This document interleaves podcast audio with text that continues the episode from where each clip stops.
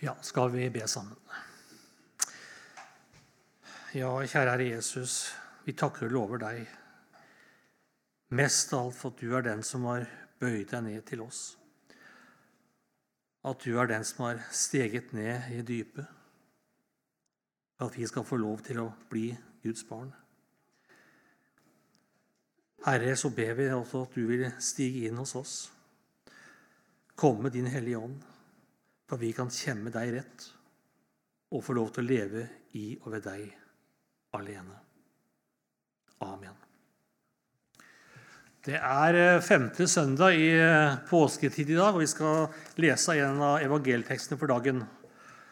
Og Den står i salme, nei, Johannes 17, vers 6-11. Eh, Johannes 17, vers 6, og vi leser i Jesu navn.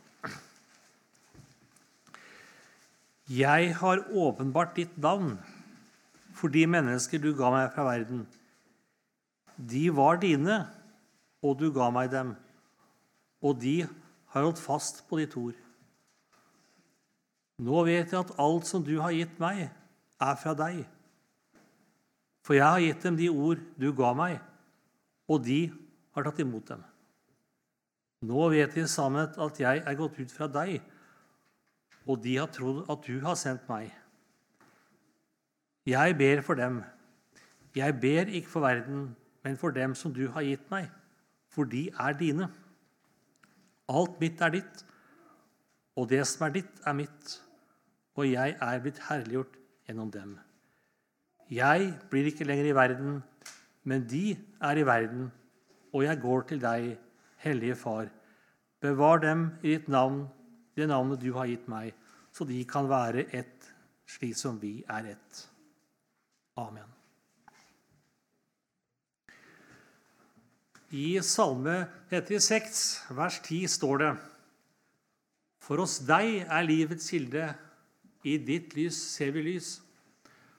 Og Dette verset kunne kanskje stått som en overskrift over den teksten vi nå har lest. For her hører vi om hvordan Faderen gir.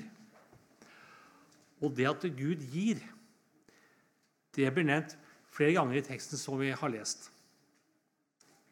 Vi hører at Faderen har gitt noen mennesker ifra verden i gave til sin sønn. De var dine, og du ga meg dem. Og de har holdt fast på ditt ord, sier Jesus. Og så sier han videre nå vet jeg at alt som du har gitt meg, er fra deg. For jeg har gitt dem de ord du ga meg, og de har tatt imot dem. Og slik så hører vi altså her hvordan altså Faderen er den store giver. Han er livets kilde. I fortellingen om paradiset i Bibelens innledning så er dette fremstilt på en veldig spesiell måte. Vi leser i 1. Mosebok kapittel 2, vers 10. En elv går ut fra eden og vanner hagen. Derifra deler den seg i fire greiner. Hvis vi ser for oss alle vanlige hager, så er det slik at der må vannet ledes inn i hagen for å kunne vanne alle plantene og vekstene. Men denne hagen er altså helt annerledes. Her renner det vann ut av hagen som er fra en levende kilde. En kilde som aldri går tom. Og Dette er også tilfellet med Han som er vår store Gud og giver. Noe som Jesus bekrefter i teksten som vi leste. Han er en Gud som har gitt. Og I og med dette så bekrefter vår Herre Jesus at alt som er av avgjørende betydning i Guds rike, det er Guds verk. Guds gave. Ikke vårt verk. Ikke noe vi kan utrette. For det er Han som gir, Han som gjør, og Han som arbeider. Og så kan vi da spørre oss hva er det Gud hovedsakelig arbeider på? Da må vi gå til et vers i 2. Korinterbrev der det står følgende i kapittel 1, vers 21. Gud er den som grunnfester både oss og dere i Kristus, og som har salvet oss. Herren har én bestemt sak han arbeider på fremfor noe annet.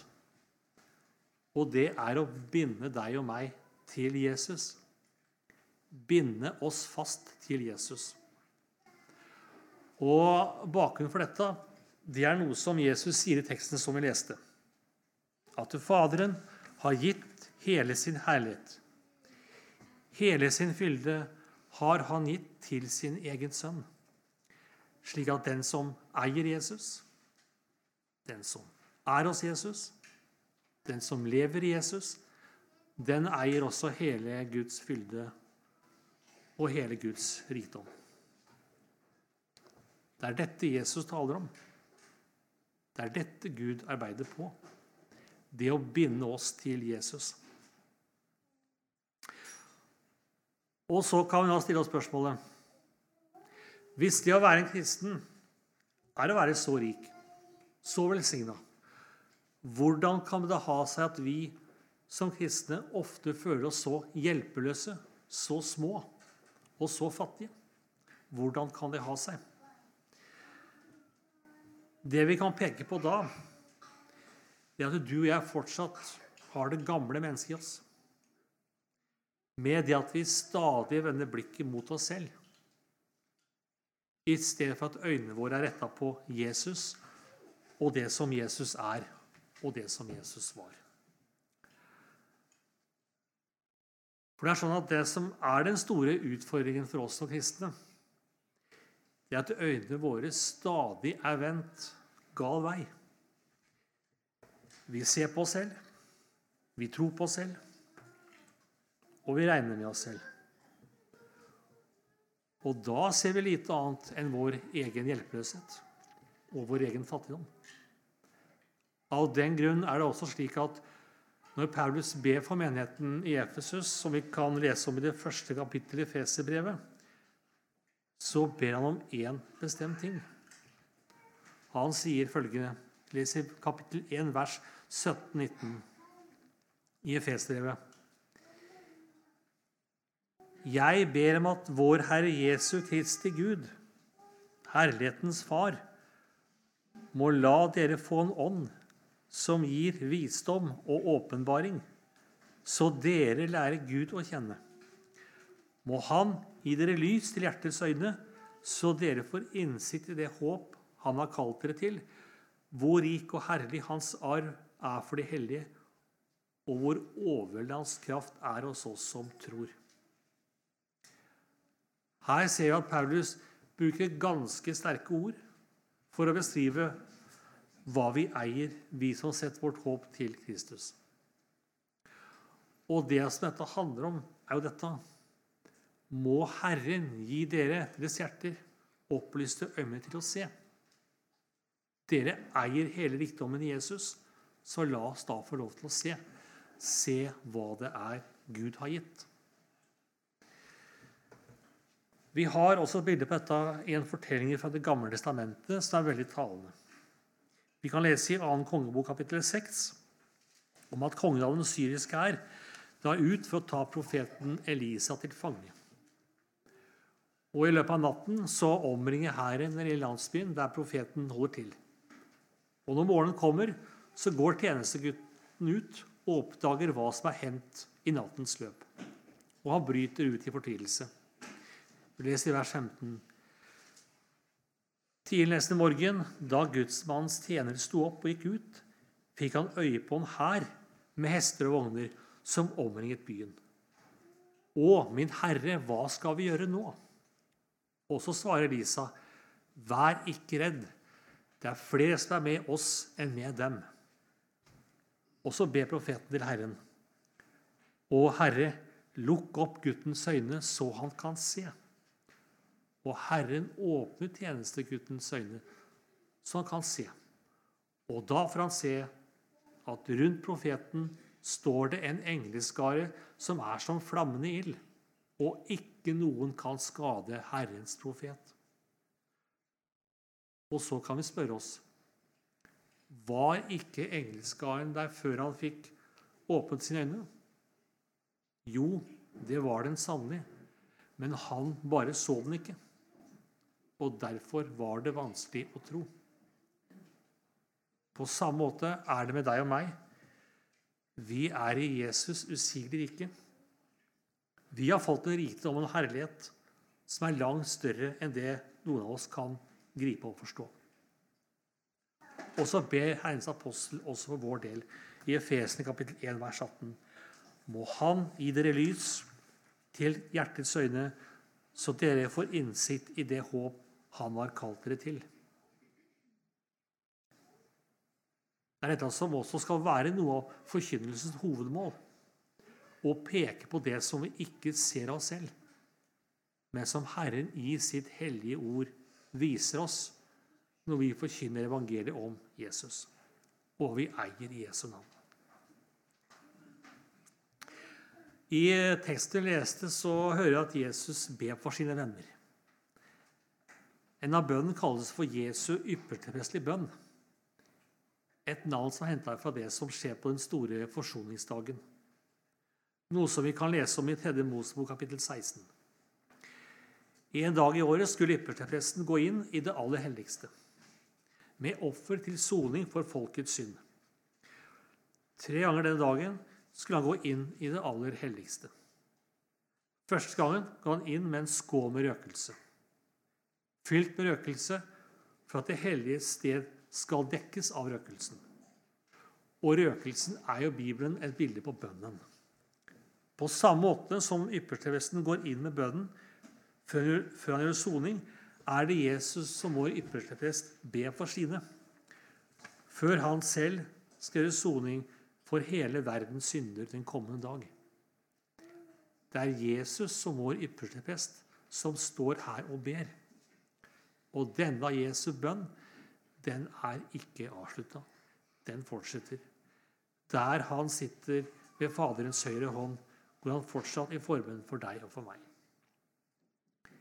Ja, dette er et stort evangelium og en stor gave. Vi kan ofte be for noen av våre venner og kjære, særlig hvis noen er i en vanskelig situasjon. Og det skal vi gjøre. Og det skal vi be hverandre om å gjøre også. Men hvor mye større er det ikke at Jesus ber for oss? Jesus ber for deg og for meg. Han ser vår nød. Han vet hvordan vi er. Han kjenner vår svakhet. Han kjenner vår svikt. Og så ber han for deg og meg daglig. For på denne måten å bevare deg og meg og holde oss fast i Guds nåde inntil evig liv. Vi leser i Beren kapittel 7, vers 25. Derfor kan man også fullt og helt frelse dem som kommer til Gud ved ham fordi han alltid lever og går i forbund for dem. Det er vår ypperste prest. Her på jorda var det slik at alt det Jesus gjorde, det gjorde han til det beste for oss. Det var ikke noe som var styrt av egne hensyn. Hele hans liv, hele hans tjeneste, enten det var hans lidelse eller hva det ellers var han gjorde, det var til det beste for oss. Når han har fart opp til Faderens høyre hånd, så fortsetter han den samme gjerning og den samme tjenesten. Han lever ikke for seg selv, men for deg og for meg. For at vi skal bli frelst. For at vi skal nå målet hjemme hos Gud. Ja, dette er en stor gave som gis oss i evangeliet. Og så skal vi vite at om Gud hører våre bønner, så kan man ofte si nei til våre bønner. Vi vet ikke alltid hva vi skal be om, og be rett. Men sin sønns bønner kan Faderen aldri si nei til. Og han ber for deg og for meg. Han har ikke gitt deg meg opp. Han ber for deg og meg dag. Og så skal du jeg vite at på det grunnlaget så kan vi bli fullkomment frelst. Ikke i kraft av vår egen lydighet, ikke i kraft av vår egen fromhet, for den er ganske svak, men i kraft av at Jesus er den han er for syndere. så ser vi også hva det vil si at Faderen er den store giver. Han har gitt oss sin sønn. Han har gitt oss sitt ord. Han har dratt oss inn til Sønnen. Han arbeider stadig på dette ene, det å holde oss fast hos Jesus. For i Jesus har du og jeg alt, selv om vi oss selv er lutfattige. Amen.